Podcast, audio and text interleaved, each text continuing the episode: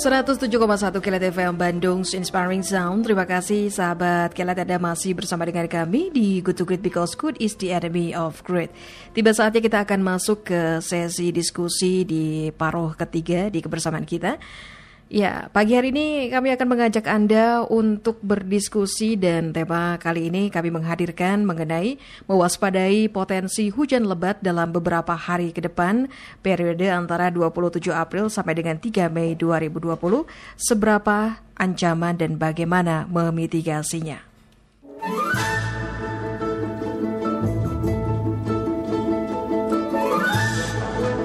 Saat ini, sebagian besar wilayah Indonesia masih mengalami periode peralihan musim atau pancaroba dari musim hujan ke musim kemarau.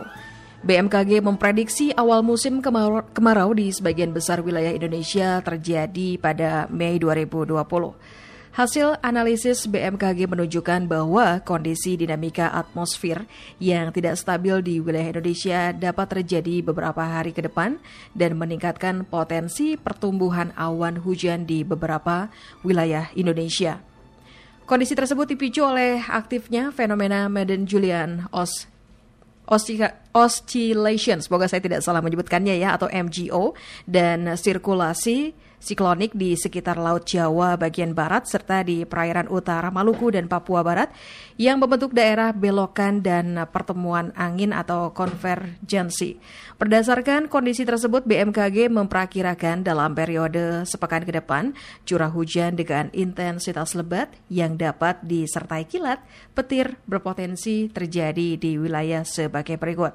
Nah, untuk periode 27 sampai dengan 30 April 2020 hari ini ya, yaitu Bengkulu, Jambi, Sumatera Selatan, Kepulauan Bangka Belitung, Lampung, kemudian juga Jawa Barat, Jawa Tengah, Jawa Timur, Kalimantan Barat, Kalimantan Tengah, Kalimantan Selatan, Sulawesi Utara, Gorontalo, Sulawesi Tengah, Maluku Utara, Maluku, Papua Barat dan Papua. Sementara untuk periode 1 sampai dengan 3 Mei 2020 yaitu Sumatera Barat, Bengkulu, Sumatera Selatan, Lampung, Banten, Jawa Barat, Jawa Tengah, Jawa Timur, Sulawesi Utara, Gorontalo, Sulawesi Tengah, Maluku Utara, Maluku, Papua Barat, dan Papua. Masyarakat diimbau agar tetap waspada dan berhati-hati terhadap potensi cuaca ekstrim, yaitu puting beliung, hujan lebat disertai kilat atau petir, hujan es, dan lain-lain. Dan dampak yang dapat ditimbulkannya seperti banjir, tanah longsor, banjir bandang, genangan, kemudian juga angin kencang, pohon tumbang, dan jalan licin. Nah, guna untuk membahas hal tersebut, kami akan menghadirkan narasumber yaitu Bapak Siswanto yang merupakan Kepala Subbidang Produksi Informasi Iklim dan Kualitas Udara BMKG.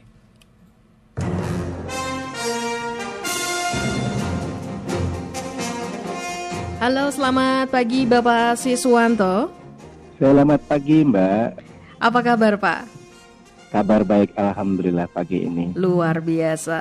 Bapak, terima kasih di pagi hari ini Anda sudah berkenan untuk uh, diajak berbincang-bincang nih bersama dengan kami dan juga sahabat Kailat, Pak. Iya. Ya, Pak Siswanto, ini BMKG baru-baru ini merilis informasi uh, akan ada potensi hujan lebat dalam beberapa hari ke depan. Ini bisa dijelaskan hal itu dipengaruhi oleh faktor apa dan wilayah yang terdampak kira-kira tepatnya di mana saja, Pak? Iya, uh, selamat pagi pendengar Kilait FM Bandung. Uh, tadi yang disampaikan oleh Mbak Aska terkait peringatan dini yang disampaikan oleh BMKG pada tanggal 27 April kemarin terkait adanya potensi curah hujan tinggi yang bisa terjadi disebabkan adanya fenomena gelombang atmosfer ekuatorial tropis mm -hmm. yang sedang uh, masuk ke wilayah Indonesia, terutama bagian barat.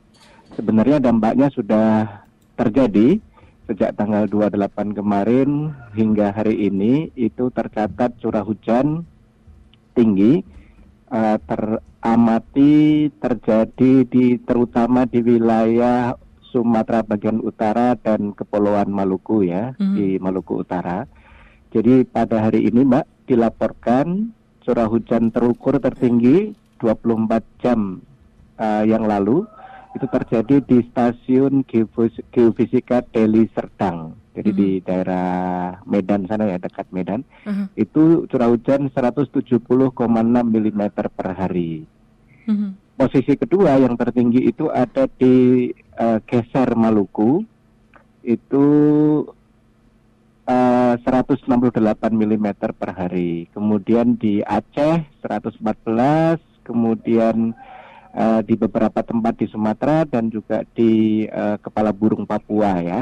Nah ini menunjukkan bahwa apa yang disampaikan BMKG 27 April kemarin sudah terjadi di beberapa tempat dan juga laporan BNPB uh, hingga malam tadi itu menyebutkan beberapa banjir terjadi di uh, Aceh dan Sumatera Utara juga di uh, Maluku Utara dan Maluku termasuk di Jakarta. Di Jakarta juga hujan kemarin itu menyebabkan 13 RW juga tergenang air gitu ya. Mm-hmm.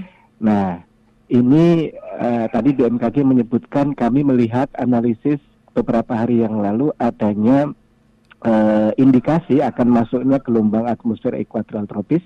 Ini sebenarnya uh, kondisi normal, memang dia akan uh, selalu merambat dari Samudra Hindia bagian barat nanti terus bergerak ke arah timur hingga Samudra Pasifik dan itu setiap 30 hingga 90 hari selalu berulang. Mm-hmm. Nah, MGO ini yang merupakan klaster awan-awan potensi hujan ya, mm-hmm.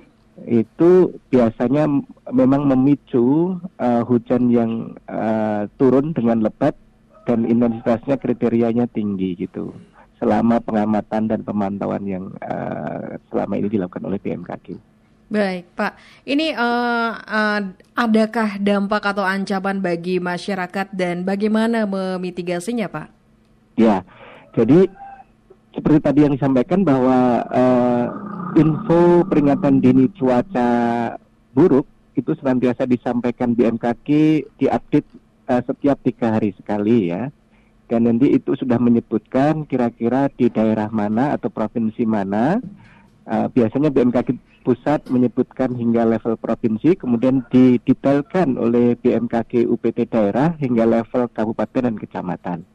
Nah, dari situ maka uh, ini perlu dicatat dan diwaspadai oleh terutama pemerintah daerah dalam mempersiapkan infrastruktur pengendalian dampak daripada curah hujan tinggi itu. Misalnya uh, kalau BMKG kan tidak tidak apa namanya uh, sampai kepada penanganan di lapangan ya, misalkan kalau terjadi banjir. Akan tetapi uh, curah hujan yang tinggi itu BMKG uh, dengan skala tertentu maka bisa diinformasikan uh, dampaknya misalkan berpotensi banjir atau tidak.